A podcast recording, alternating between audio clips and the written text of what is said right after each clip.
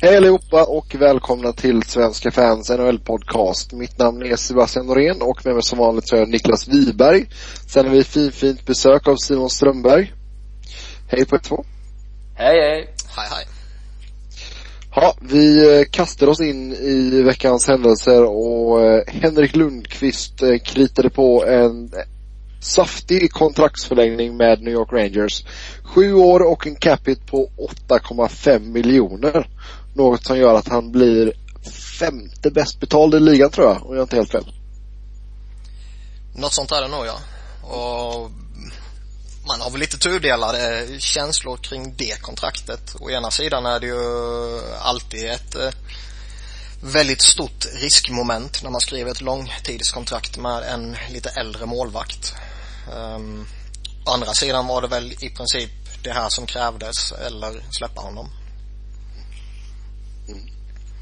Ja, det är väl, och det, kollar man till marknadsvärdet så är det inte för högt såklart, utan det är väl ganska rimligt, men eh, det är ju mycket pengar i en spelare.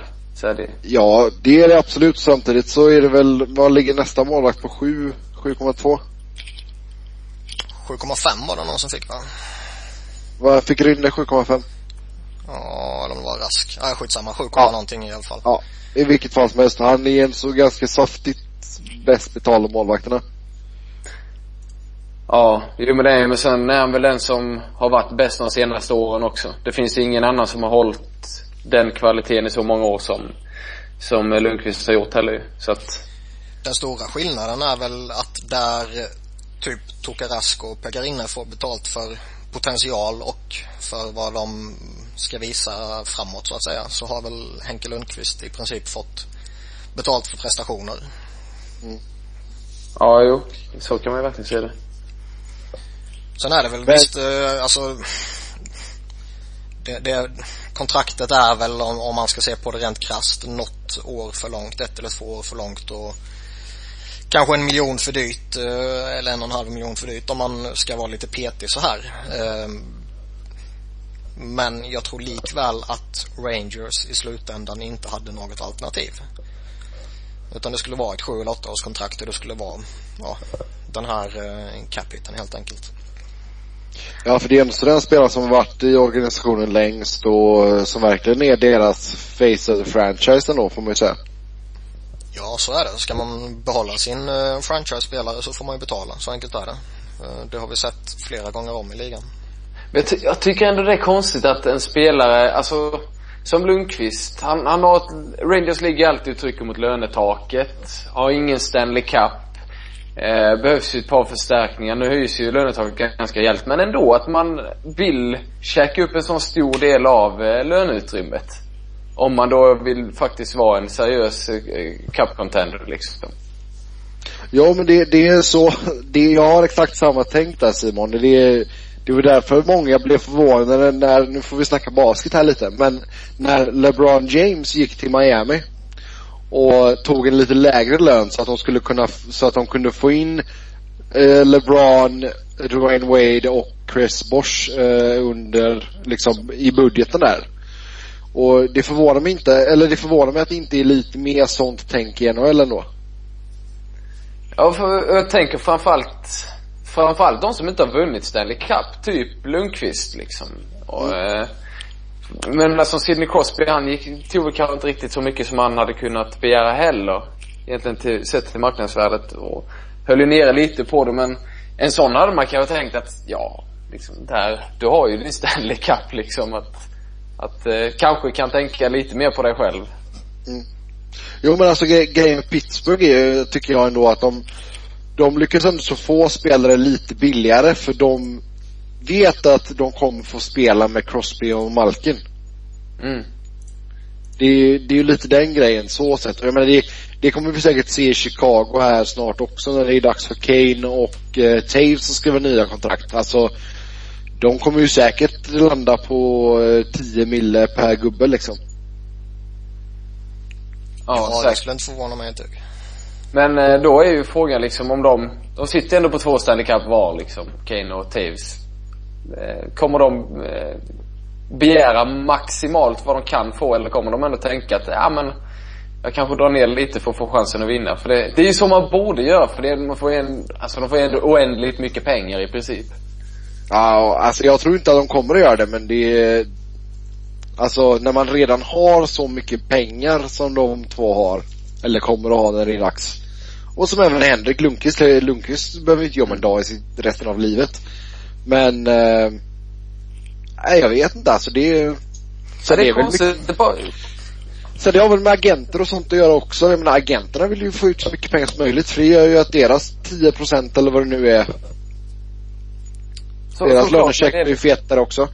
men det är ändå spelarna i slutändan som har, eh, som har själva, eh, ja men som, som har eh, sista ordet. Jag tycker ändå att de borde, borde ändå kunna liksom bara, ja, men jag, det är bättre att, att jag avstår en miljon så kan vi få in en gubbe som är bättre än den vi får nu liksom.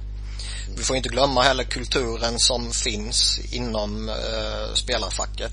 Att man måste ta en marknadsmässig lön. Ja, det är sant. Men också lite, Sen det samtidigt alltså skulle, skulle Henke skriva på ett kontrakt på, på 7 miljoner eller 8,5 miljoner så skulle det nog inte blivit något jättesnack om att det här inte är marknadsmässigt kontrakt. Det är skillnad om man skulle skrivit för liksom 4, 4,5. Då, då skulle jag kunna tänka mig att det skulle bli ramaskri. Nej men precis. Och sen egentligen hockey som är en sån sport där det alltid snackas om hur viktigt det är att man är ett lag, att man tar, tar det för laget liksom. Och sen så, först när det kommer till löner så kan man bråka om en halv miljon hit eller dit liksom. När du tjänar åt, åtta miljoner liksom, ska du ha åtta och en halv istället. Sen får man inte glömma heller att eh, man, man ska väl också förhålla sig till hur lönetaket kommer utveckla sig och 8,5 från och med kommande säsong är väl mer eller mindre jämförbart med tidigare kontrakt som har skrivits som har varit lite lägre. Jo. Jo men alltså det, det kan vi ta våran diskussion, vi kan ta faktiskt ta och spara det lite till våran diskussion lite senare men Alltså jag tycker det är ju lite konstigt ändå att du kommer ha Säg då som i, om vi säger att de Taves och Kane ska på för För 10 miljoner var Då har den så 20 miljoner uppbundet till två spelare Mycket pengar. Det är väl Och rent, och rent teoretiskt kan väl lönetaket också sänkas? Nej, inte inför nästa säsong, men i framtiden. Ja, ja, det är klart det kan göra det. Det beror ju helt på intäkter och sådana grejer så det, det kan det mycket väl göra. Så då, jag menar ett sjuårskontrakt, hade det varit ett tvåårskontrakt på, på med de pengarna hade det varit en annan grej. Fast nu är det ändå så pass långt att Ja. om fem år vet man inte hur det ser ut. Kan man ta upp, Henke kan käka en tredjedel av, nej det kommer det aldrig bli. Men alltså det kan ju vara väldigt stor procent av, av eh, löneutrymmet. Mycket kan ju ske men sen samtidigt så verkar ju i princip allting tyda på att eh, inom några år kommer taket ligga på, alltså närma sig 100 miljoner. Det är ju galet. Ja det är det. Eh, sen samtidigt har de strukturerat eh, upplägget på det sättet de har gjort så kommer ju eh, framförallt med den här nya, men det kommer vi till tidigare eller senare med tv-dealen och allt sånt här så kommer ju taket skjuta i höjden så kontrakten kommer ju bli mindre och mindre problematiska. Mm. Yes. Då kör vi en liten, eh, med tanke på att Simon är här då, så kör vi en liten eh, Florida Roundup. Ehm, Vi kör lite rykten och spekulationer special här då. Vi börjar med Dmitrij Kulikov och hur nära en trade är han? Alltså det är jättesvårt att säga. Man måste hitta någon som vill ha honom också men eh, det verkar vara en hel del lag som är intresserade av honom i alla fall. Han är ju Va- 23, 23 är han ju. Off, eller, eh, eh, vad heter det? Pucktransporterande back kan man väl säga. Eh, borde vara en styrka egentligen. Det är väl det han är draftad och tänkt att, att agera. Ehm, men ja, vi, får se lite vad som händer. Jag tror inte Florida kommer ge bort honom. Han var ju trots allt deras första val vad var det, 2009 va? Tror jag det var. Så man är, det är inte så att han är, han är inte gammal. Nej. Vad tror du man kan tänkas begära i utbyte? Alltså det är det jag tycker är så svårt för att, för, visserligen har Florida mycket bra unga backar men kanske saknar man lite den speltypen. Om man tittar eh, i, i talangpoolen. Man har liksom Kobe Roback, man har eh, eh Alex Petrovic nere i, i AHL liksom. Det är två spelare som absolut kan vara bra men de är inte den som transporterar pucken och Brian Campbell blir inte yngre liksom. Så att egentligen tycker jag att det är precis vad man borde vilja ha tillbaka.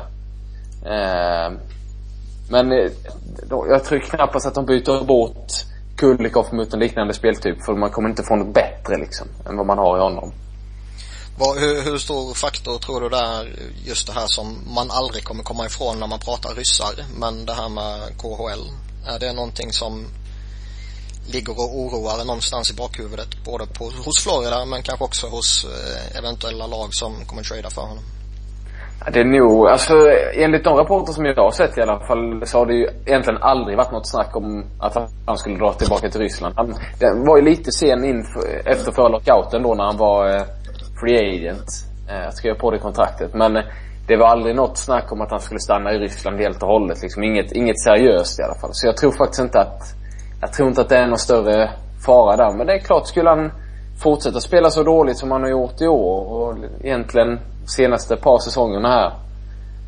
Då kan det bli aktuellt om pengarna lockar mer i Ryssland. Så att det är klart, för, för de andra klubbarna så kan det nog eventuella då klubbar som vill ha honom så kan det ju spela roll. Men han är, han är, kontrakt, han är, ska ju vara på ett kontrakt över denna säsongen också. Så att det, han blir RFA till sommar så då är han ju kontraktslös.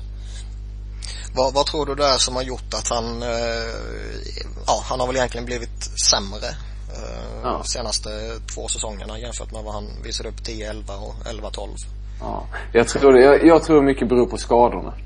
Så enkelt är det. Han har, han har ju inte spelat någon full säsong utan brukar missa nästan 20 matcher per säsong och har spelat i ett, i ett lag som inte har hållit måttet. Eh, tanken var väl att han skulle få en lite mer undanskymd roll när Campbell kom och det fick han väl men han har inte riktigt lyckats utvecklas där heller. Eh, började ju, det var väl 11-12 som han började väldigt, väldigt bra den säsongen. Sen så stannade han av efter skada så att det är nu skadorna helt enkelt. Eh, det är ganska säker på att han hade varit bra mycket bättre om han hade fått hålla sig frisk. Eh, och sen så är det, det, det är ganska tydligt att många av bottenlagen har svårt att utveckla sina talanger liksom. Framförallt backar är ju tufft att utveckla också. Ja, och jag tycker Florida är väl ett ganska bra exempel på om man har haft mycket talang i många år fast inte fått ut, utdelning på det liksom. Um, och han är väl kanske en, en i raden av de som försvinner. Ja, vilka andra, alltså om de yngre spelarna tror du kan vara on the chopping block? Eh, Sean Mattias. Det är väl Edmonton, är väl en av, ett av de lagen som rycker mest i honom. Jag tror åtta har också läst lite om att han skulle eh, vara intressant för dem. Så jag tror han är ju en center som funkar alldeles utmärkt i en, i en eh, checking line. Han är ju, har bra skridskoåkning, Stor och stark. Eh, bra penalty killer. Lirar ofta när, eh, när Florida ska hålla tätt sista minuterna. Och i fjol så kom in ett riktigt stim. Gjorde en hel del mål. Poäng och sådär. Han har varit väldigt ojämn och eh, har, kom väl aldrig riktigt in i den här säsongen på rätt sätt. Så att han kan nog vara på väg bort. Och jag tror det är svårt att få något, något egentligt värde i utbyte mot honom också just för att han har ju aldrig egentligen visat något mer än i, i korta perioder. Någon, någon större eh, potential. Men jag tror han kan passa bra in i ett lag där han inte egentligen behöver vara någon offensiv kraft. Så att, eh, något lag som behöver centerdjup helt enkelt. Mm. Han är Sen, ja, han spelar på alla, alla forwardspositioner egentligen. Ja, sen alltså eh, stora backstjärnan eller vad man ska säga, Brian Campbell, alltså kommer de behålla honom? Jag tror det blir svårt att bli av med honom. Som ni säger, det är många lag som ligger upp mot lönetaket. Eh, och han har ganska många år kvar på sitt kontrakt som är dyrt. Alldeles för dyrt för honom såklart. Och jag tror Florida vill behålla honom. Eh, samma sak där, man, man kommer ju vara tvungen att behålla ganska mycket av lönen om man skulle trada bort honom såklart. Eh, och eh, trots man har nya ägare så tror jag inte man är jättesugen på att behålla hur mycket som helst. Man behåller ju bara inte halva Chris Verstigs kontrakt nu. Jo, precis. Så att eh, man kan inte ha hur mycket som helst innestående på att bara pumpa ut pengar så heller. Så jag tror han blir kvar. Det är ju ett tacksamt kontrakt för ett lag som Florida att ha. Eh, med tanke på att när, när lönetaket ökar så ökar ju lönegolvet också.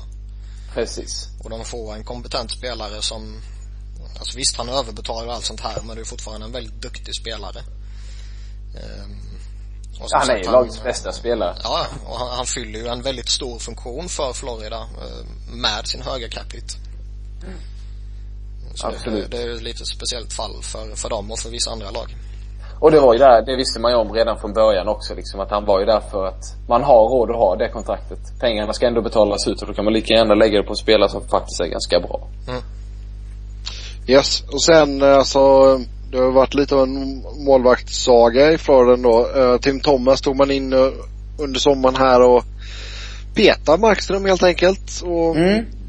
blev ner, Markström blev nedskickad och nu Tim Thomas och Clemensen som vaktar bås och mål. Ja, han, eh, heter det, Clemensen, ja både Clemensen och Thomas kontrakt går ut i nästa säsong så att och då får ju Markström ett, eh, ett envägskontrakt. Han, det han skrev på nu det här tvåvägs, eller tvåårskontraktet. Första året var ju tvåvägs och nästa år envägs. Så då kommer han ju vara första målis om man inte väljer att byta bort honom innan. Det, jag tror ju inte det men eh, man vet aldrig. Tallon har ju gjort konstiga moves förr. Ja, alltså, jag tycker överhuvudtaget känns det ju väldigt konstigt att ta in Thomas. Vi pratade ju om det här innan i ett tidigare avsnitt att det, det är ju en riktig pungspark mot Markström liksom. Ja det är verkligen det. Nu verkar han ändå ha spelat bra nere i San Antonio i AHL. Så att förhoppningsvis så hittar han väl lite hittar han väl lite form där och kommer in i sitt spel igen för att han var inte bra denna säsongen, så enkelt var det. Eh, men jag tror å andra sidan det, det har med hela målvaktskarusellen att göra också. Eh, men det, det, man måste ju, man måste igenom ett år som första målis. Jag, jag kan inte riktigt förstå kan inte riktigt förstå om man har eh, hur man agerar annars om man helt plötsligt skulle byta bort honom nu när han väl ska ta över som första målvakt liksom. Man har ju sagt att man ska vara tålmodig och det är väl kanske nu man ska vara Han har ju varit tålmodig i tre säsonger. Nu är det kanske Floridas tur att vara tålmodig med honom. Ja, verkligen. Ja. Så eh, Alltså om vi tänker på, om vi kollar på spelarna som inte blir RFA eller UFA till sommaren. Eh, vilka av de etablerade namnen kan tänkas lämna förutom, du nämnde Mattias men om vi kollar på till exempel Fleischmann, Upshall, eh, Bergenheim. Ja, det är väl lite samma sak. Äh, Scottie Upshall går ju mot en väldigt bra säsong. Han verkar ju faktiskt få det att fungera nu under eh, Peter Horacek. Funkar inte alls under, eh, eh, vet man Kevin Dinin, då som fick sparken nu i höstas. Um, så att Upshall verkar få ett uppsving och det är klart, det höjer hans, hans marknadsvärde. Uh, å andra sidan så man kan ju inte så fort en spelare faktiskt spelar bra kan man inte byta bort honom. Uh, och jag tror det kan vara lite knepigt för att han har fortfarande ett för dyrt kontrakt i nästa säsong. Så det blir nog knepigt att få bort honom. Men Fleischman däremot har ju ändå presterat under flera år. Det är väl nu den här säsongen som har gått lite tröga. Men annars har han gjort två bra säsonger med Florida och innan det så var han ju bra i Colorado så att Fleischmann är nog inte omöjlig att han försvinner. Samma sak med Tomasz Kopek, eh, Kopeski. Han är ju användbar i många olika situationer. Kan stå framför mål i powerplay om man vill det. Döda utvisningar. Han leder alla spelsituationer. Stor och tung liksom. Så eh, samma sak där. Är det någon contender som behöver lite djup, ja då kan kan det ju hända att Kopeski, eh, Kopeski ryker då. Eh, Sean Bergenheim tror jag inte egentligen. Eh, han har varit för skadedrabbad och egentligen inte presterat någon, någon, någon, med någon större stjärnglans nu när han väl är frisk så att eh, jag tror han blir kvar i Florida. Samma sak där, har lite för dyrt kontrakt kanske för att lagen ska nappa. Men man vet aldrig när, ju närmare trade deadline man kommer och lag börjar bli lite desperata och sådär så vet man ju faktiskt inte vad som händer med det. Trade deadline är inte vad det brukade vara. När det kommer till den fronten så att lagen tänker lite mer långsiktigt. Så att det är väl nästan lättare att, att, att röra de spelarna vars kontrakt faktiskt går ut. Bergenheim har väl alltid varit lite av en glaslirare va? Ja men han har ju en spelstil som, slit, eh, som sliter mycket med. Han åker mycket skridskor, ger sig in mycket i närkamp och smäller på en hel del. Det är klart, är man inte... Får du en skada så är det väl lätt att slå upp den igen. I alla fall, han hade väl någon axelskada och sen någon höftskada. Det känns precis som skador som är smällskador liksom. Ja, jag gillar när han var i Frölunda. Ja, så är man. alla spelare som har till Frölunda. Han är Nej, inte alla. Han är ju å andra sidan en playoff performer. Han var ju svinbra då när Tampa tog sig till conference-final eh, 2011 och han var ju bra när Florida lirade slutspel 2012 så att, kanske. Vi tackar för den lilla updaten där. Uh, avstängningar då. Uh, James Neal åkte på fem matcher. Eh, Niklas, du får gärna ge oss, eh, eller oss, ge lyssnarna backgrounden till varför. Ja, eh, han får helt enkelt för sig att knä Bostons Brad Marchand i, i skallen.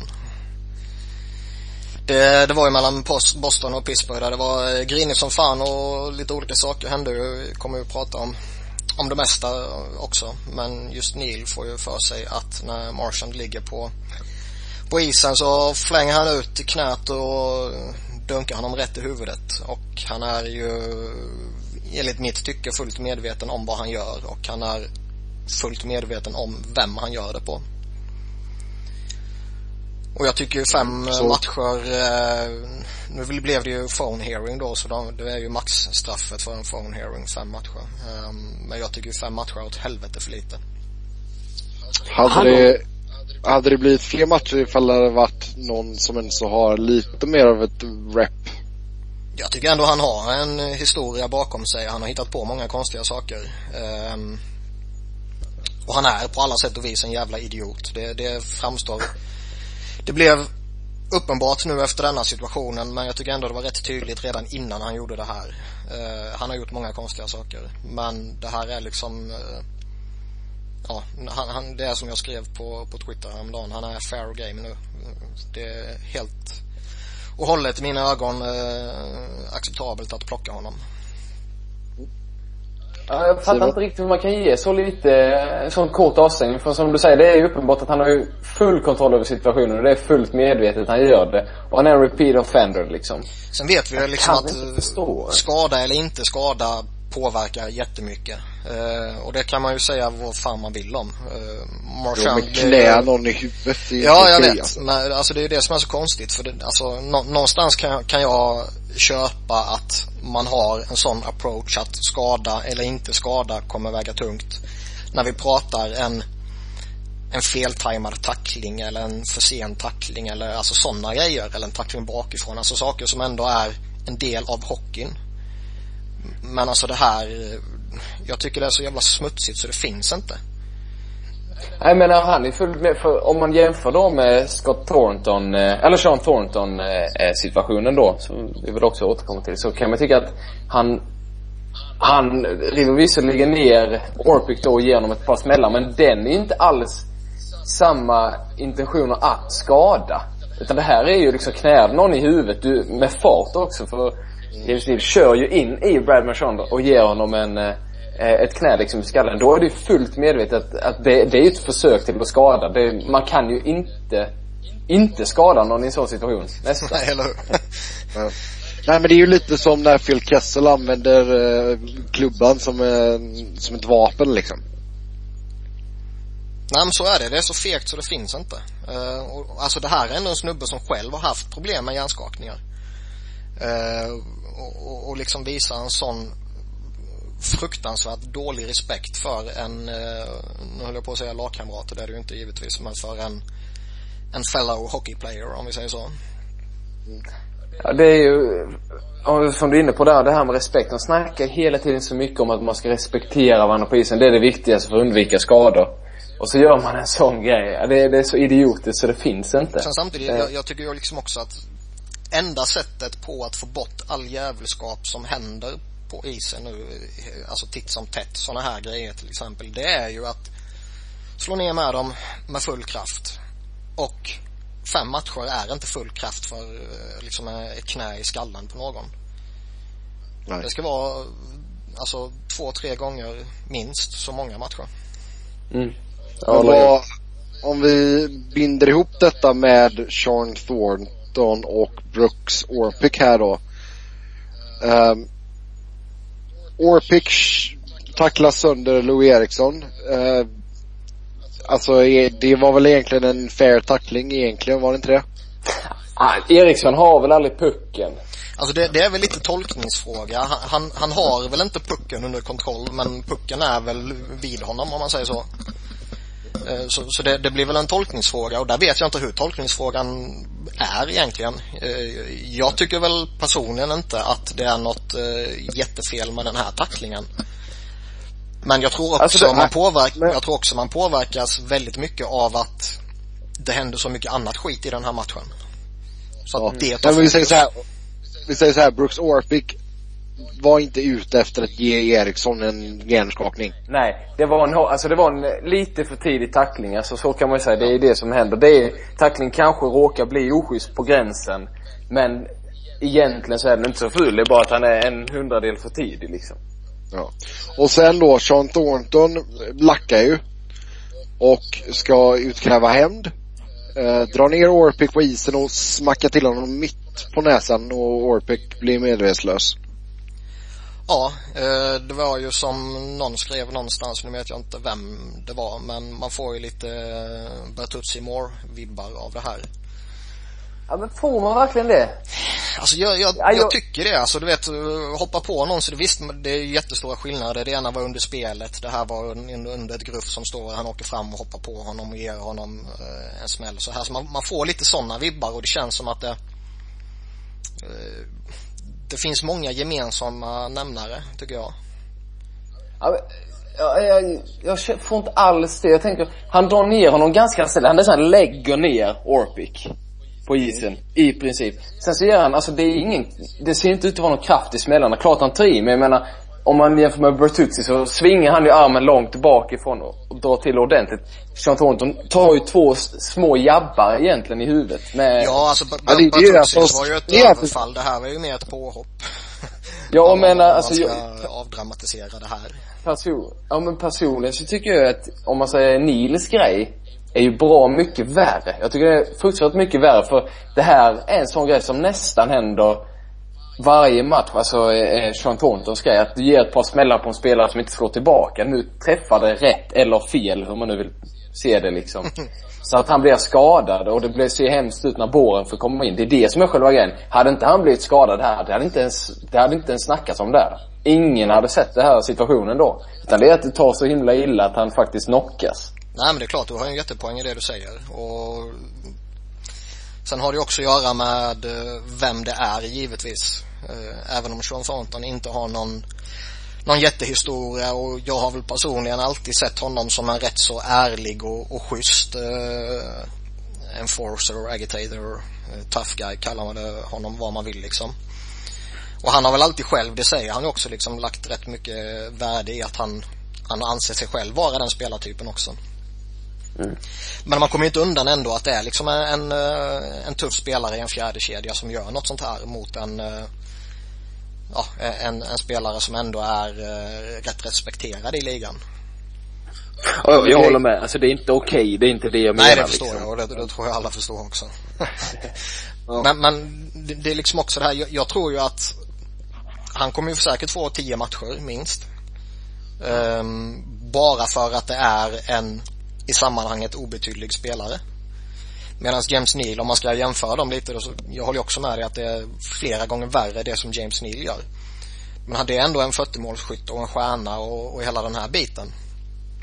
Och spelare behandlas olika, det vet vi. Det, det finns tusen exempel på det. Så jag, jag är helt övertygad om att en mer eller mindre obetydlig spelare i en fjärde kedja kommer få tio matcher för någonting som är nu ska man ju inte nonchalera det han gör för det är ju fruktansvärt egentligen. Nej, Men inte. eh, om man jämför med framförallt James Neals situation då. Ja men alltså jag är fortfarande arg på Shea Webber.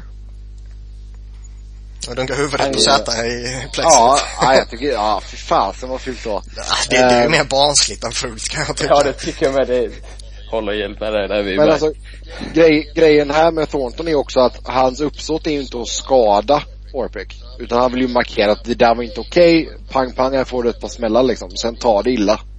Mm. Det, och jag menar det såg man ju när de intervjuade Thornton efter matchen också. Han var ju, alltså han bara, ja. Man såg ju verkligen att han Ja, han var ju bitter på riktigt. Och Ja, jag menar, det, riktigt, att han var ledsen. det skulle vi också det här är, vara om... det här är, det här är två, två killar som tränar ihop på somrarna liksom. Det, Ja, sen får man inte glömma, får han tio matchers avstängning så får han ju böta en del och det kommer uh, svida. Ja, sen eh, sista avstängningen då, Dion Phaneuf, eh, två matcher. Det är det för honom. Eh, det var boarding call på honom om jag inte minns helt fel va? Ja, Mm. smäller in Bostons Miller i, i sargen med en tackling bakifrån och ehm, Eh, jag tror väl inte han blev skadad. Utan eh, jag har för mig jag läste att eh, han kan jag har för mig jag läste att antingen det var Chiarelli eller Julian i Boston som sa att eh, liksom, vi är tillfredsställda med, med avstängningen. Vi är bara glada att han inte blir skadad liksom. Jag, jag för mig jag läste det. Ja. Fanöf var väl inte så himla lycklig där. Men... Nej, han verkar vara jävligt bitter. Men sen samtidigt, alltså det, det är som jag sa innan, ska man få bort de här eh, grejerna och, och det blir få saker som som är mer eh, på tapeten om man säger så den senaste tiden än tacklingar bakifrån in i sargen. Så det är ju bara avstängningar man kan göra det med. Och det är väl rimligt två matcher. Det är ju en sån grej som, det händer lite, det är vårdslöst spel och, och förnuft om man tittar till situationen. Men det är ju en sån grej som alltid kommer att hända. Folk Ja. kommer missbedöma en tackling. Folk kommer tänja på gränserna. Så är det. Och två matcher är väl ganska lagom tycker jag. Ja, det tycker jag. Yes, då lämnar vi avstängningar därhen och eh, tar oss vidare. Eh, vårt nästa ämne, det har varit Board of Governors möte. Och eh, Niklas, vad var highlighten? Det var väl att eh, lönetaket, eh, nu, nu kallar de ju det att det förväntas öka men det kommer ju öka liksom. Eh, upp till 71 miljoner ungefär. Från 64,3. Eh, Ja, och och det, det är lite, vad, vad, mm, ska vi säga att vad, vad, alltså en del av bakgrunden till detta är också det nya tv-avtalet med Rogers i, som, har, som då har de kanadensiska rättigheterna nu. Eller kommer att ha. så är det ju. Det, lönetaket baseras ju på intäkter och omsättningar och, och allt sånt här. Det, det är en hel vetenskap eh, som man får ta reda på själv om man vill sätta in sig djupare. Men- eh, så det, det påverkar givetvis allting. Däremot är det lite intressant för alla spekulationerna eh, tidigare sa ju att jo, lönetaket kommer öka. Det kommer öka med ungefär 3-4 miljoner. Nu ökar det med nästan 7 miljoner och det, det är ju rätt saftigt faktiskt. Det är ett ganska saftigt eh, skutt upp Det är där. en star player som man kan plocka in. Mm. Ja absolut, det, det är det. Och samtidigt så går ju golvet upp till eh, 52 miljoner då också. Mm. Så, ehm, alltså vad, vi kan ta, vi kan faktiskt ta den här, vi har haft den här diskussionen innan men, eh, alltså är det verkligen bra att ha ett lö, jag kan förstå ifall man vill ha ett lönetak men är det verkligen bra att ha ett lönegolv? Alltså jag förstår ju att man vill ha eh, att lagen ska nå upp till en viss nivå. Men det, det blir ju lite absurt om man tittar på lönetaket på första året efter förra lockouten. Så var ju lönetaket på 39 miljoner. Nu är golvet på 52. Ehm, det, det, det i sig blir ju lite absurt. Men eh, samtidigt så vill man ju inte ha lag som betalar en eh, extremt låg lönekostnad bara för att oh, eh, man inte vill spendera pengar som ägare och, eller den här diskussionen liksom. Eh, sen samtidigt så ett högt lönegolv tvingar ju också fram sådana här galna kontrakt som, alltså vi pratade om Brian Campbell tidigare. Eh, den typen av, av kontrakt som lag som Florida och, och som andra lag däromkring, alltså de måste lägga på några miljoner eh, på, på några kontrakt eller på väldigt många kontrakt för att eh, kunna nå golvet. Och jag menar det, det får ju i sig den här, eh, eh ja vad ska man säga, snöbollseffekten där det påverkar andra förhandlingar hos andra lag och som tvingar upp lönerna och ja, hela den Ja, effekten. jag tycker, jag tycker, jag tycker det är liksom ett av argumenten som jag skulle framföra. Det är att det gör ju att du betalar inte för, alltså du, du, det är inte alltid att du betalar för den kapaciteten som en spelare har eller talangen en spelare har eller vad det nu är. Utan då, då blir det bara, ja men, ja vi, vi tar en spelare, vi kan säga, ja, Paul Bissonette. Alla vet vem Bisnäs är hoppas jag. Ja, det är klart. Ja, ja, jag menar en kille som tjänar, ja, alltså runt 650-700 000 eller vad det nu är. Det är ganska låg lön ändå. Men jag menar liksom, om då go- golvet pumpas upp till 52 miljoner. Då snackar vi om en kille som är 13, 14 man liksom. Då ska han helt plötsligt ha kanske 1,5, 1,8. Bara för att det liksom ska, då ska vi upp över golvet och lalla liksom. Nej men det är klart det, det är lite galet, så är det ju.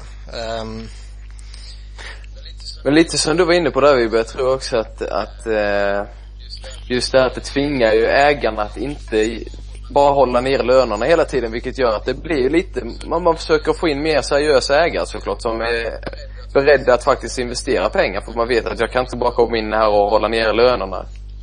Jag måste Nej, det är, klart, det är klart att det inte ska, ska bli någon slags Arsenal när det bara ska vara någon jävla kassako för ägarna. ja, man undviker ju det. Man undviker ju det genom att ha ett, ett, ett lönegolv liksom. Men eh, Jo men samtidigt, är det, är, det verkligen, är det verkligen rimligt att ha ett lönegolv på 52 miljoner? Nej det tycker jag inte. Jag tycker ju... Sen snackar vi ju att Alltså att varje gubbe som är i active roster då, alltså tjänar över två miljoner. Mm. Nej men så är det. det jag, jag, tycker man ska ha ett lönegolv eh, just för att uh, slippa det här att lag eh, medvetet liksom betalar ut skitlöner uh, och bara är intresserade av att få verksamheten gå runt och, och kunna plocka ut ja, pengar så att säga. Uh, men samtidigt kan du inte plocka ut så mycket pengar ifall det inte kommer något folk för att ditt lag är helt värdelöst. Ja, men man kan ju fortfarande, man kan ja, men... fortfarande pressa ner pengar och du kommer ju fortfarande få bidrag av, av ligan och sånt här. Liksom, ta tv-avtalet till exempel. Så jag, jag, tycker det är rätt att man har en, uh, ett lönegolv. Däremot så bör det väl inte vara så högt.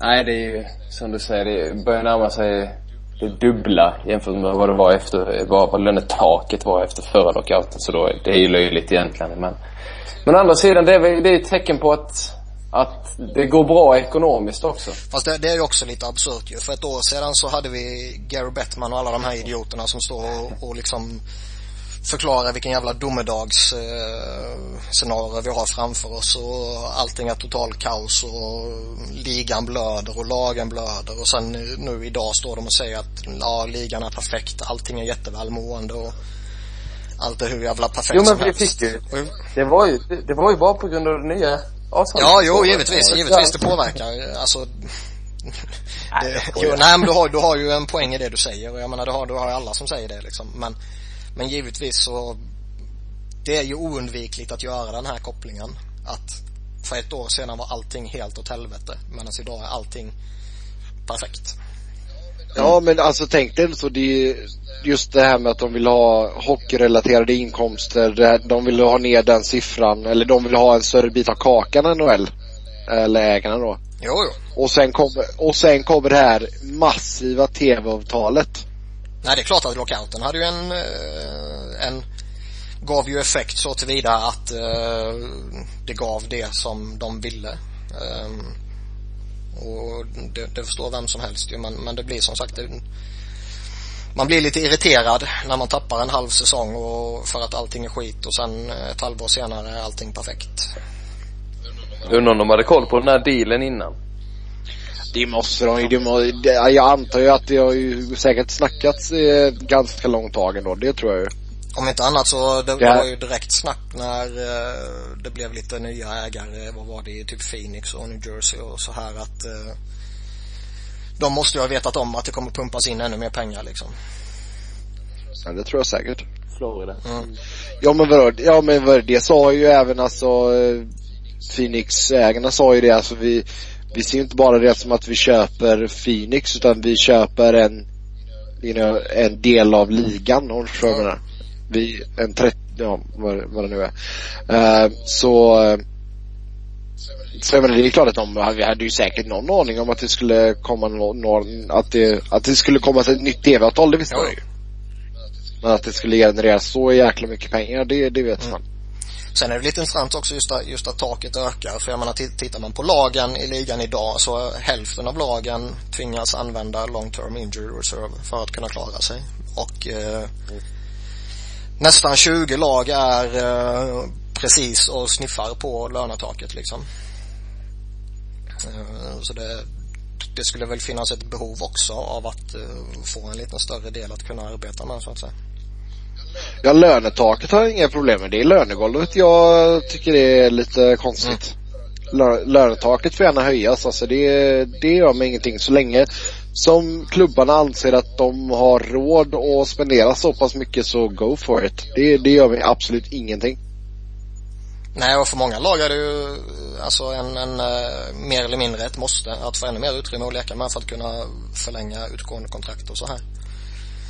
Men man måste ändå, eh, lite så det måste vara surt att, att eh, vara det laget som denna säsongen behövde göra sig av med lite spelare för att få plats under taket. Nu var det väl inte något som behövde göra någon jätteutrensning men när det ett år senare höjs så mycket. Ja, ja absolut. Ja, nej det är också en sån sak som sänder konstiga signaler givetvis. Till exempel Minnesota då. Som inte kunde behålla eh, Matt Cullen då till exempel, som man väldigt gärna ville behålla.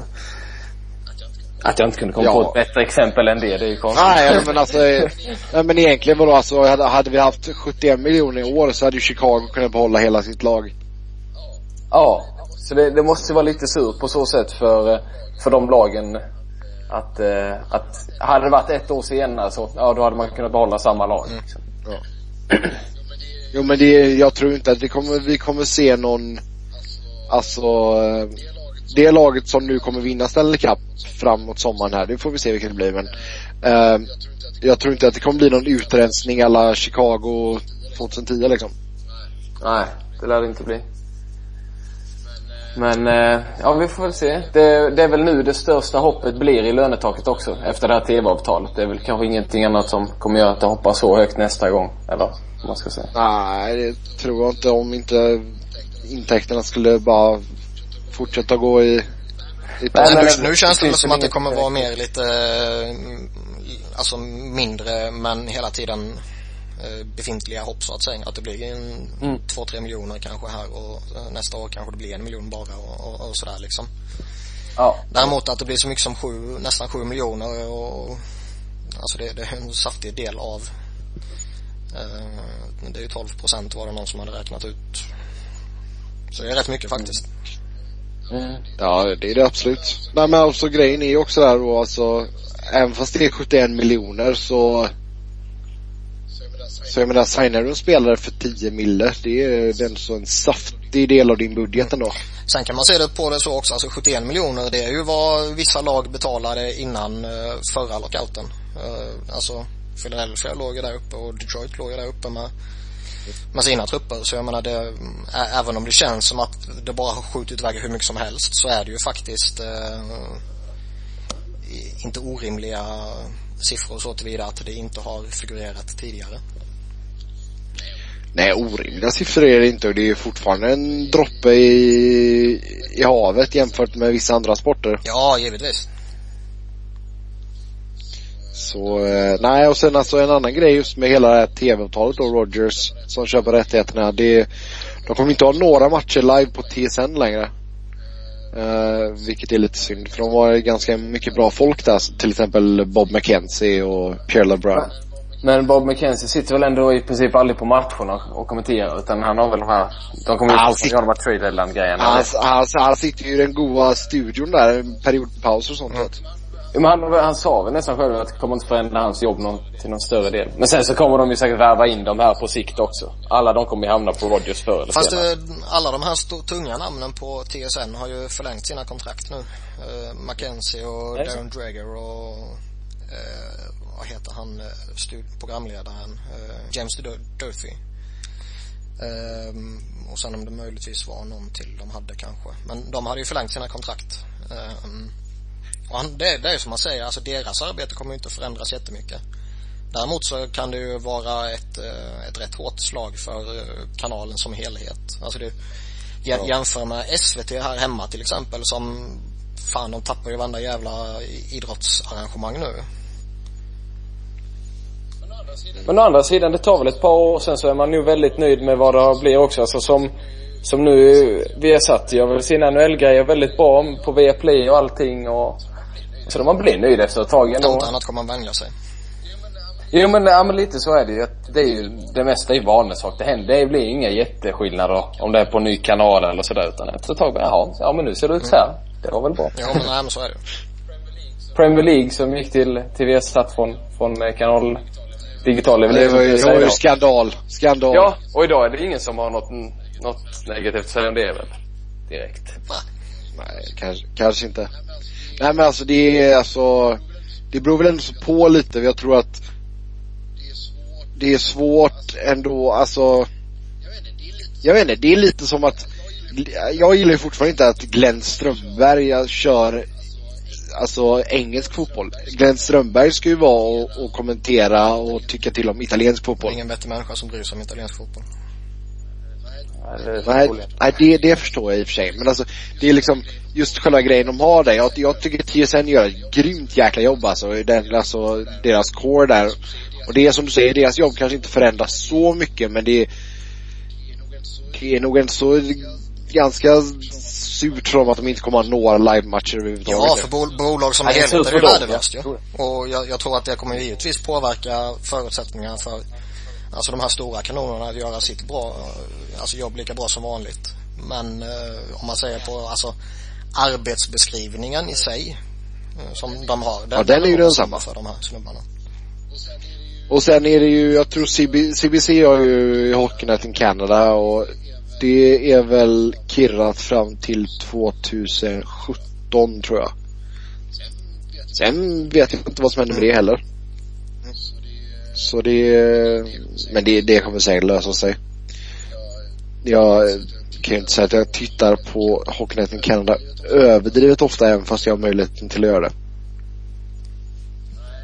Nej, jag har nog mer eller mindre aldrig sett en hel hockey night in Canada faktiskt. Ja men det är, det är jobbigt också när, när det är coaches corner och sånt du vet. Då måste man muta eller stänga, alltså byta kanal alltså. Det, det går inte att titta på det han har på sig alltså. Det... Lite så är det ju faktiskt. Ja, nej men alltså vi, vi sitter alltid, alltså sitter, för de kör ju på, eh, de visar ju massa andra feeds på pressläktaren i jobbing.com innan matchen börjar och ibland när man ser dem komma upp där på storbildsskärm i guldkostym, man bara herrejävlar. Det är liksom, uh, ja. Någon liten uh, thailändsk, uh, vad heter det? Uh, Thailändsk massage.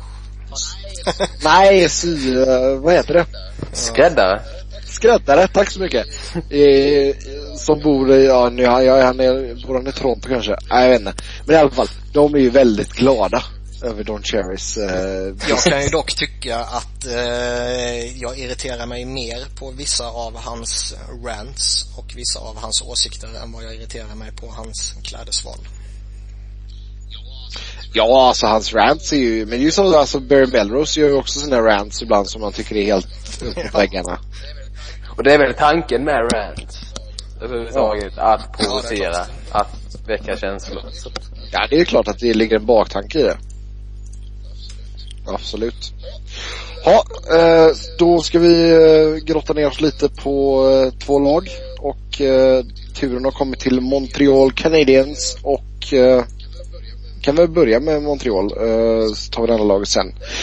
Om, eh, om vi tittar på Montreal då, så ligans hetaste lag för tillfället. Eh, man har gått 9-0-1 senaste tio matcherna och enkel fråga, varför är man så bra som man är just nu? man har väl en, alltså det, det, känns som att alla de viktiga spelarna presterar för tillfället, vilket givetvis är en, en grundförutsättning. Men, men framförallt så har man väl en målvakt som är väldigt duktig. Eh, har, har man ett grundspel som man är familjär med, man har spelare som producerar. PK Subban känns ju lite som att han är på, på rätt väg nu igen efter att ha varit lite ifrågasatt tidigare faktiskt. Men så länge du har en en keeper som Carey Price som jag tycker har helt okej siffror den här säsongen. Helt okej, 93,4 eller sånt. ja, det, det, det duger. Ja. Sen får man ju... Tur man har honom i fantasylaget. Sen får man ju inte heller glömma Peter Bodaj. Som uh, typ aldrig spelar, men när han väl spelar så är han fan lika bra som Carey Price. Och det är väl kanske ett tecken på, eh, på styrkan i Montreal just nu att, eh, att man är väldigt stabila defensivt. Eh, välbalanserat liksom. Sticker, sticker inte ut åt något av hållen men man, man spelar, man spelar som ett lag. Helt enkelt. Och det visar sig, Price borde ha varit bra men det är mycket laget också. Men alltså kan det här laget om vi säger att slutspelet skulle börja imorgon, skulle de kunna vara ett seriöst hot att gå riktigt långt i ett slutspel? Ja, det är klart. Alltså, ja, framförallt så har de ju i dagsläget inga liksom inte många skador. Jag tror de har typ René Burke, tror jag den enda. Och jag menar det, det är en spelare som inte direkt är ovärderlig. Så där, där, där har de ju givetvis jättebra förutsättningar och, och deras eh, stomme tycker jag ändå är eh, stark. Sen har de ju det, ja, li, lite som vi har drivit om tidigare. De har ju väldigt många små spelare. Och det tror väl jag personligen inte är någonting man vinner ett slutspel med. Eh, däremot ser jag väl dem som ett lag som kan ställa till med väldigt, väldigt stora problem i en slutspelsrunda liksom mot ett, ett av de här stora favoritlagen kanske. Ja, de gjorde det för några år sedan då när de hade Halak i mm. mål. Eh, som storspelare. Jag menar det kan gå långt. De här, men det, det, det som är ganska bra med de här små spelarna, till exempel Brandon Gallagher som jag älskar. Alltså, det är att de spelar på rätt sätt när de är små. Eh, använder sin fart på ett bra sätt liksom och, och eh, vågat försöka och köra förbi forwards istället för att liksom vara lite, eller eh, köra förbi backar istället för att fega och försöka lite passningsväg och spela duttigt hela tiden liksom utan de ger sig ändå in i situationerna och utnyttjar sin fart. Så jag menar då, då behöver inte litenheten vara någon nackdel. Men det är klart ett helt lag med, med eh, små... Dvärgar. Ja, dvärgar. Kanske inte det, det mest eh, effektiva i NHL men men jag tycker ändå att man, eh, ja men till exempel Gallagher som sagt. Det är ändå rätt sorts liten spelare. Ja verkligen. Jag är jätteförtjust i honom. Han, han, han gör det bra. Det är som du säger. Sen, sen är det väl lite så här lite som att uh, samma sätt som vi har lyft fram Alexander Sten, att han har överraskat något helt otroligt så har väl en sån som Lars Eller också klivit fram lite mer än vad man kanske under vissa perioder hade räknat med. Sen, ja, om, speciellt i inledningen av säsongen så var han ju glödhet. Ja, man slår, väl så var nej, det lite. Slår man ut över hela säsongen så är det kanske en rätt eh, rimlig nivå hans produktion ligger på. Um, han gjorde ju va? 30 poäng på 46 matcher i fjol. Så jag menar han ligger väl under det snittet nu. Ja, ja. Om jag inte fel i min matte. Det finns säkert lite att fortsätta få ut av honom. Offensivt sen så är han ju bra påverksspelare. Mm. Ja, sen uh, Thomas Plekanic. Uh, han är on pace för att han ger sitt uh, personbästa med 29 mål på en säsong. Och uh, min fråga där är, klarar han det? Jag tror väl inte det. Eh, till stor del baserat på att jag inte ser honom som en naturlig målskytt. Utan han, han, okay. han har väl som jag ser det en tendens till att eh, gå utan mål och ja, egentligen poäng överhuvudtaget under längre perioder. Och för att sen eh, smälla in mål i väldigt tät följd. Och, ja, lite streaky väl då? Ja, och på det sättet så om den trenden fortsätter hela säsongen så, så tror jag inte att han kommer nå några personbästa siffror. Simon, försöker du äta upp din mick eller? Nej, det är inte jag. Nej. Ja, då är det Niklas. Nej, jag suttar inte på någon mick. Okej. Okay. Det är ju inte jag i alla fall. Men uh, ja, skitsamma. Vi, vi, vi går vidare i vårt Montreal-snack här. Ehm, uh, Pika Subban, alltså det är en sån kille som har vunnit Norris och han leder interna poängligan, 24 poäng, 31 matcher. Ändå så har han fått alltså lite kritik här och där och det har till och med varit snack om att han inte har en given plats i Kanadas OS-trupp. Alltså är, det verkligen rättfärdigat?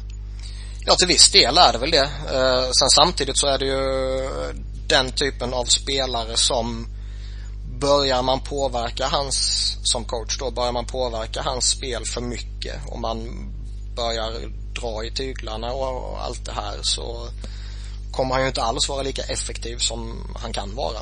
Eh, samma snack som är med Erik Karlsson till exempel att börjar man tvinga han till att spela ett annat spel så kommer han tappa all sin offensiva flair och, och, och det här snacket liksom. Så vill man att han ska vara en, eh, en snubbe som alltså pangar in poäng efter poäng efter poäng så måste man nog lära sig leva med de bristerna han har. Både eh, framförallt i defensiven men också i kanske sättet som han kan uppträda ibland.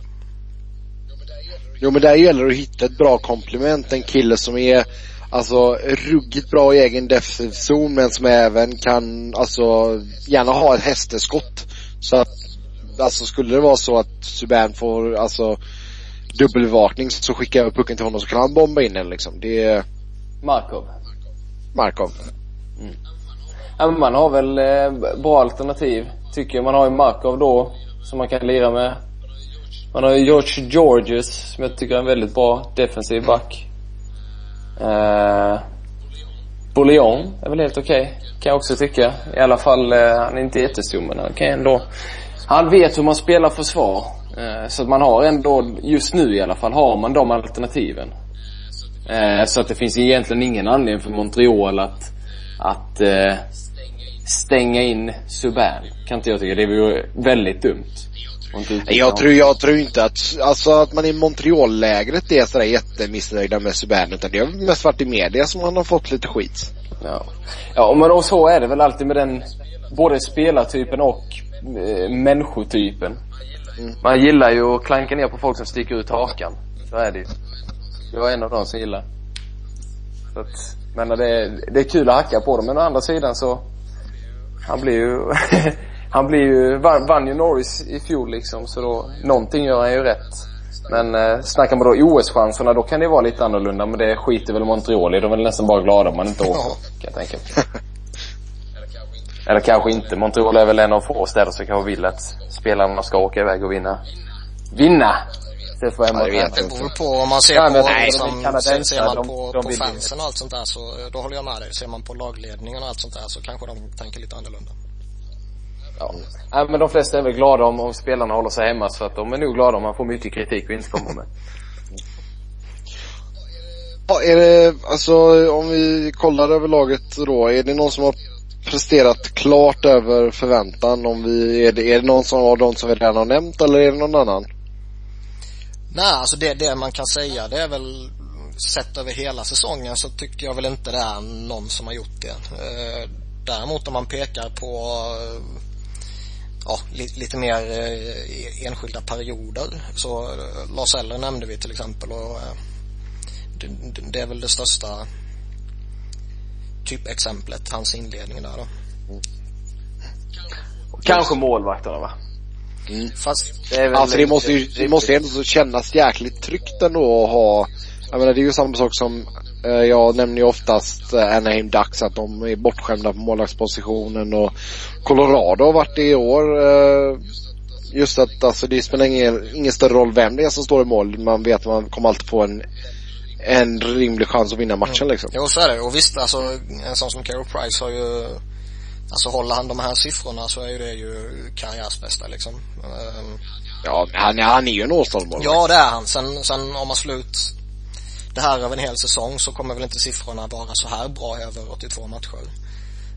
Um, men jag kan väl inte säga att han har uh, överpresterat något anmärkningsvärt på det sättet. Han har väl haft problem innan att han kan komma in i riktigt ordentliga svackor.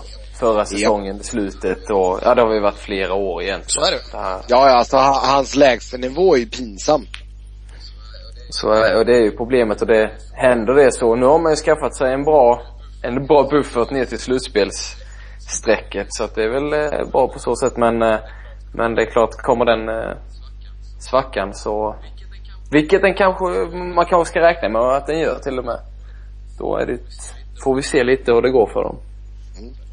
Ja, om det är försvaret som är bra eller om då det lär vi ju få se mer av Bujaj också i och för sig. Ja, som också väl har varit lite, det är väl svårt att inte vara streaky som andra målis men det har väl varit, han fick väl chansen som första målis för några år sedan i Colorado. Då var han väl också väldigt ojämn. Alltså. Ja. ja, är det någon som har underpresterat då? Jag tror man vill väl ha ut mer äh, Rennie Bork. Men det är som sagt, han har varit lite skadad och jag vet inte riktigt om han fortfarande är en spelare man räknar med så mycket. Men det är sju poäng på, vad är det, 23 matcher. Det är kanske inte jätteimponerande på en topp 6-forward liksom. Jag skulle vilja säga en sån som Brian Jonta. Fem mål på 30 matcher är väl någonting som när man tänker på honom bör uh, vara lite mer helt enkelt. Ja, jo det är sant. Men jag tror samma sak där. Man, han har ju blivit äldre och fått lite eh, mer papparoll än kanske största poänggöraren liksom. Och jag tror så länge andra ändå fyller i och, och eh, trycker in lite mål så tror man är ganska nöjd. Danny Briere däremot är man kanske inte riktigt lika nöjd med. Jag tror du hoppas vi kan ha lite mer på honom men samma sak där. Han är inte spelaren han var för Nej, verkligen inte. Och jag skulle vilja påstå att det han har presterat, det är vad man baserat på förra säsongen kunde förvänta sig. Sen har han varit lite skadad så här också och det, det sätter sina spår givetvis. Sen är det väl klart, David Deharnay hade en riktigt dålig start på säsongen. Men han tycks väl ha kommit igång lite grann nu va? Var borta en vecka men så att poängen hade börjat trilla dit. Annars är det väl generellt så att eh, lag som går väldigt bra eh, och ligger i toppen på, sin, på tabellerna brukar ha en, en tendens till att ha väldigt få spelare som underpresterar. Mm. Ja. Säger vi om Douglas Murray då? Han har inte underpresterat, han är bara rakt igenom dålig. Nej, skulle inte vara så om vi började en fin djurgårdare. ja, det är mycket möjligt han är det, men... Eh, med andra, ord, med andra ord kan man aldrig vara riktigt dålig. det finns alltid något som höjer. Okej, okay, han kanske är jättesnäll, det vet jag inte. Jag känner honom inte. Men, men han är fan en värdelös hockeyspelare nu med. Ja. Tycker du det?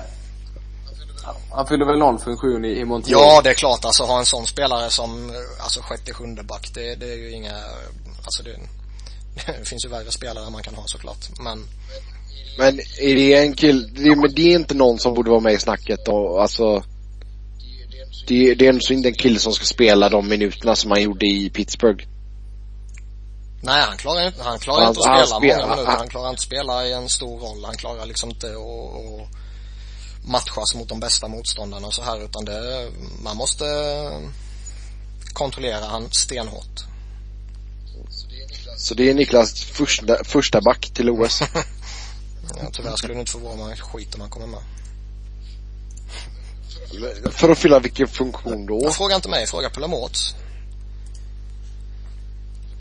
För det är alltså, visst man har sett att folk på olika forum och sådär vill att vi ska ha med någon tuffing när vi, när vi spelar mot Kanada typ. Men alltså det är men eh, det känns, eh, vadå ta med en tuffing när vi möter Kanada? Det känns ja. ju ganska korkat egentligen. De, de lär inte ha med Bisonet för att återkomma till honom i truppen, eller Nej, nej inte direkt.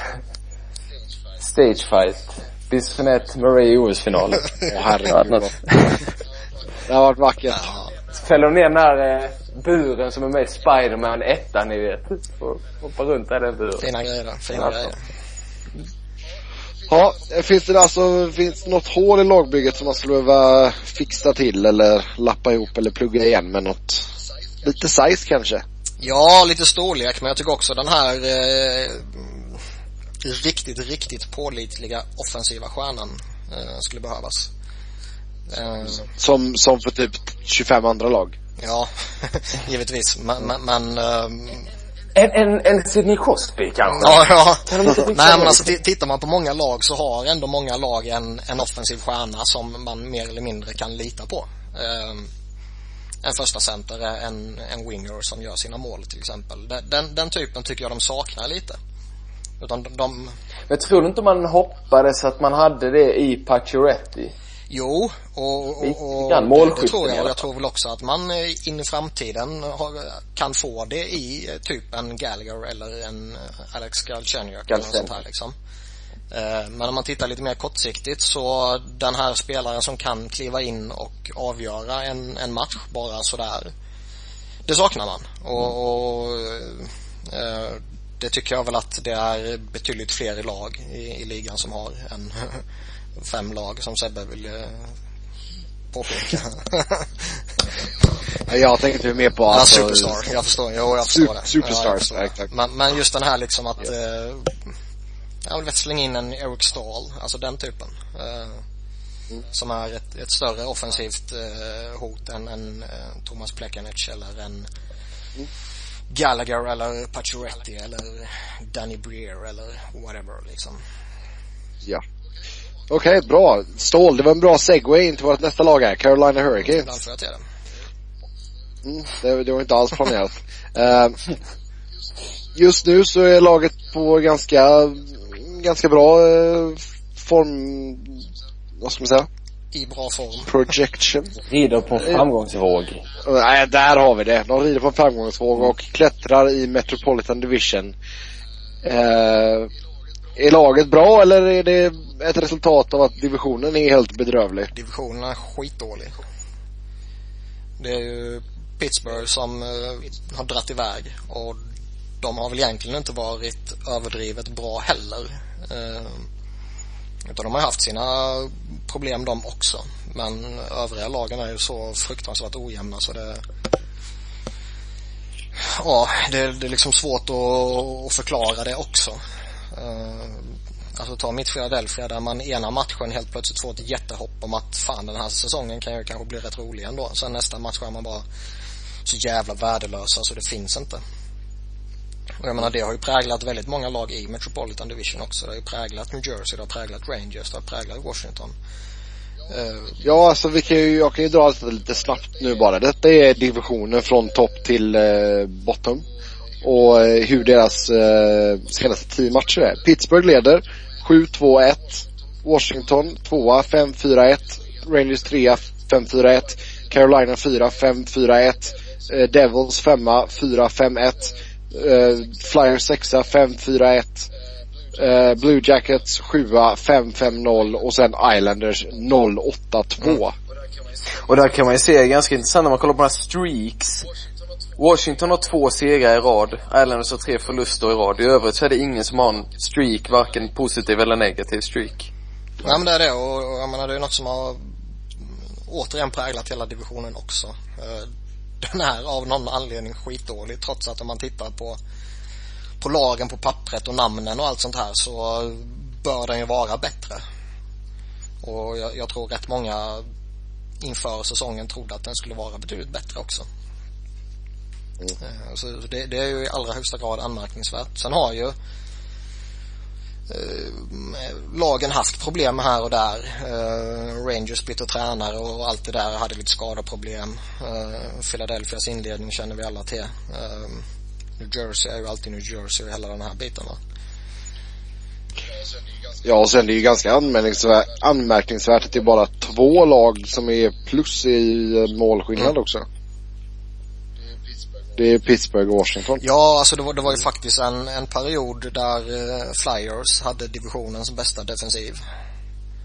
Uh, och ändå hade man liksom förlorat match efter match efter match efter match i princip. Mm. Så det, det är något jävelskap med den där divisionen men samtidigt ska ju inte det förringa ett lag som Carolina egentligen. Um, det... Nej jag tycker ändå så, alltså med tanke på vilka skadeproblem man har haft på målvaktpositionen i år så tycker jag man har gjort det jättebra. Ja, alltså jag tänkte säga det, det finns ändå Alltså tittar man bara på deras record så är väl kanske deras record och, och prestationer egentligen inte tillräckligt bra för att eh, ha en tydlig eh, slutspelschans eh, om man säger så. Eh, däremot om man tittar på omständigheterna som, som du sa med, med skador på på lite eh, viktiga positioner och det här med Johnny Pitkanen inför säsongen där han kommer att bli borta och allt sånt här. Så eh, alltså givetvis en, en framgång för dem. Ja, alltså man får ju, för er som inte vet då, för er som lyssnar, så Ken Ward blir skadad och sen så tänkte man, okej okay, men då kommer Chodobin och kliver in. Ja, då blir han skadad också och då får Justin Peters hoppa in. Och eh, såg lite halvskakigt ut i början men tycker jag så, alltså i slutändan gjorde han ett jättebra jobb måste man ju säga. Mm. Ja absolut, det har ju till och med varit lite snack eh, nu när de har eh, när alla tre målvakterna skulle vara friska eh, om att man faktiskt kan göra sig av med någon av Peters eller Kodobin och faktiskt få något bra i utbyte tillbaka. Mm. Tror man verkligen att man får någonting för det så som målvaktsmarknaden ser ut idag? Det beror, nej, det, alltså det beror på hur man definierar bra. Men alltså får man tillbaka ett hyggligt draftval så är det ju en bra deal för en tredje målvakt liksom. Um, jo. Mot, om man jämför med att bara dumpa någon rakt av och kanske ta tillbaka skräp liksom. Jo, det är sant. Jo, det är sant. Men, uh, mm. Det hade nog hållit på dem. Tre, två, en skade, skadebenägen målis och sen så två oprövade. Ja, jag håller med dig. Jag tycker nog också man bör behålla alla tre. eh, Och försöka lösa det på något sätt. Men det tycker jag ändå är konstigt för de har ju liksom, sitter man lite igenom statistiken så är det ändå ganska många som inte har presterat liksom. Plus de har inte alls lyckats bygga vidare på fjolåret och, Liksom och eh, Simon har tre fullträffar liksom. ja, Tom Roth och sex poäng på 26 matcher. Det är många som inte presterar liksom. Så är det. Men liksom återigen, det är, det är den här jävla divisionen. Man behöver inte vara bra för att vara ett slutspelslag i den här divisionen. Alltså hade detta hänt på slutet av säsongen så hade det inte varit så konstigt kan man tänka sig att de har tröttat ut varandra för att alla matcher är så jämna. Men detta är ju starten på säsongen. Ja, det är lustigt. Ja, alltså man, man tänker mycket på Bröderna Stål när man eh, snackar Carolina och alltså har de gjort vad man kan vänta sig eller är ni spelare som borde sticka ut ännu mer? Jordan borde väl definitivt prestera bättre. Ja men känns det inte som att Jordan ändå så hamnade i ett, alltså han hamnade i ett fack i Pittsburgh där han fick leva väldigt undanskymt och fick bra minuter och allt sånt där som tredje center. Eh, för det var så jäkla mycket fokus på Crosby och Malkin. Nu ska han så förvänta sig att ta lite mer, alltså just sticka ut lite mer och han får mer upp, alltså på, påpassning av f- försvararna. Han får lira mot bättre motståndare och Jag tycker väl du har en poäng i Det du säger, även om jag tycker du är lite hård. Ehm, Jordan Stahls största tillgång för, eh, ja, oavsett vilket lag han nu skulle spela i, kommer ju alltid vara hans eh, defensiva eh, kvaliteter och förmåga att plocka bort en motståndare. Där är han en av ligans bästa fortfarande i mitt tycke. Ehm, sen är det klart att eh, spelar du i ett lag där du har eh, Crosby Malkin framför dig i kedjehierarkin eller du kanske till och med spelar tillsammans med någon av dem som, som man också gjorde.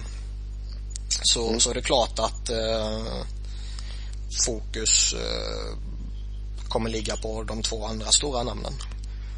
Men när han spelar i Carolina så är det väl ja, bröderna och som, som kommer ta fokus. Men å and- liksom. Å andra sidan så var ju tanken med att plocka in honom att han skulle göra en, i alla fall 60 poäng per säsong som andra center. Det tror jag Carolina var, var vad de liksom ville ha i honom. Absolut. Eh, för att det snackades hela tiden i Pittsburgh om att på grund av Malkin och Crosby så blommade inte han ut helt. Men kanske var det så att, att eh, man överdrev hur bra han faktiskt var på grund av att man trodde att han skulle vara bättre om inte de hade varit där. Fast i själva verket så Ja. är han inte bättre, mer än en tredje center liksom. eller att han stannar i utvecklingen. Så kan det också vara, men jag menar 12 poäng för en andra center, det är inte, på, på 31 matcher liksom. Nej, ju nej, nej. inte ens 40 poäng för en Nej, så är det. Alltså han eh, går ju mot eh, liknande siffror eh, över 82 matcher den här säsongen som han hade på 48 i fjol. Och det, det är givetvis underkänt. Han ska göra, han ska göra mer poäng, inget snack om saken. Men, men jag tycker fortfarande att han har varit bra om man tittar på hans största tillgångar i det defensiva spelet så att säga.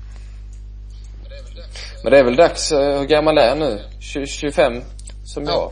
Och 88. Jo men det är, det är dags att kanske ta det här sista klivet och bli en, en offensiv kraft till en, eh, i större utsträckning också. För att det är ju som sagt, de betalar dem mycket pengar och de räknar ju med att ska Carolina bli ett, ett lag som alltid går till slutspel och framförallt om de någon gång ska kunna ut, utmana om Stanley Cup, då är ju Jordan Stahl en sån spelare som definitivt måste prestera mer Så är det. Ska de kunna hota igen så måste ju han bli eh, alltså motsvarande Rod Windamore som han var när de vann. Eh, Så, så enkelt är det.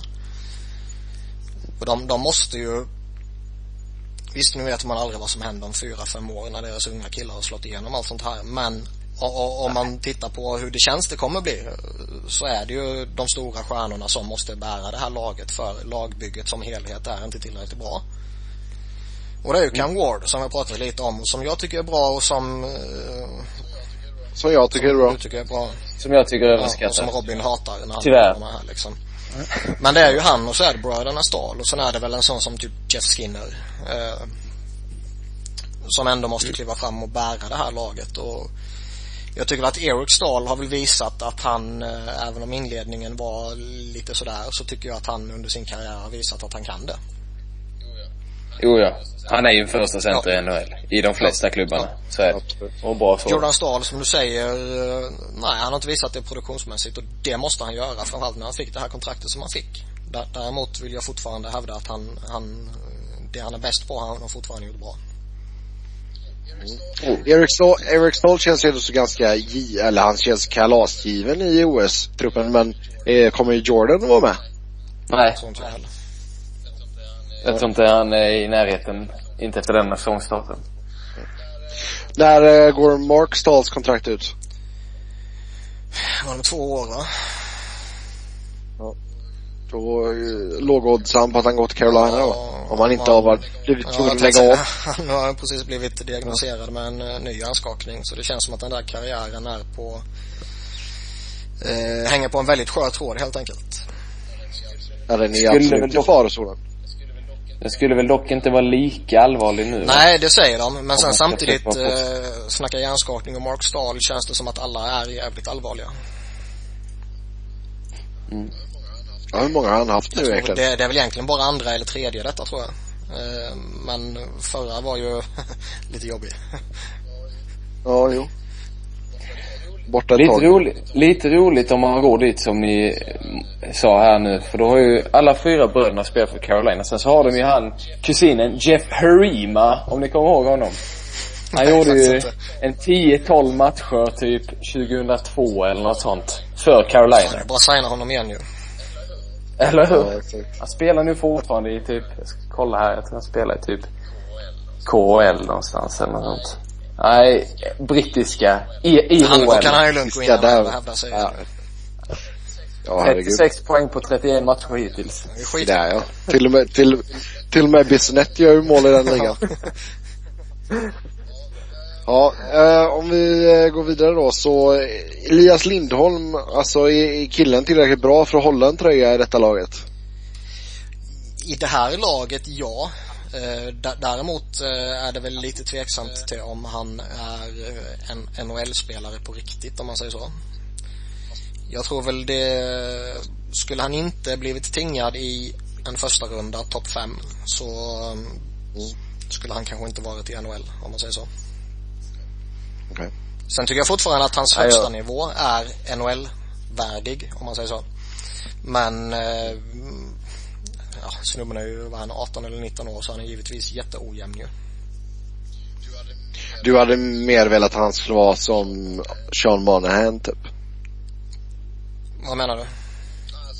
Alltså p- produktionsmässigt och spelmässigt. Ja, ja, ja, ja. För, att- för, för att vara liksom gjuten Ja, NHL-spelare. jag. Eh, det känns, Mon, Monahan känns ju inte så som en gjuten Ja, det tycker jag. NHL-spelare. Det. Det, är en, det är en rätt bra jämförelse.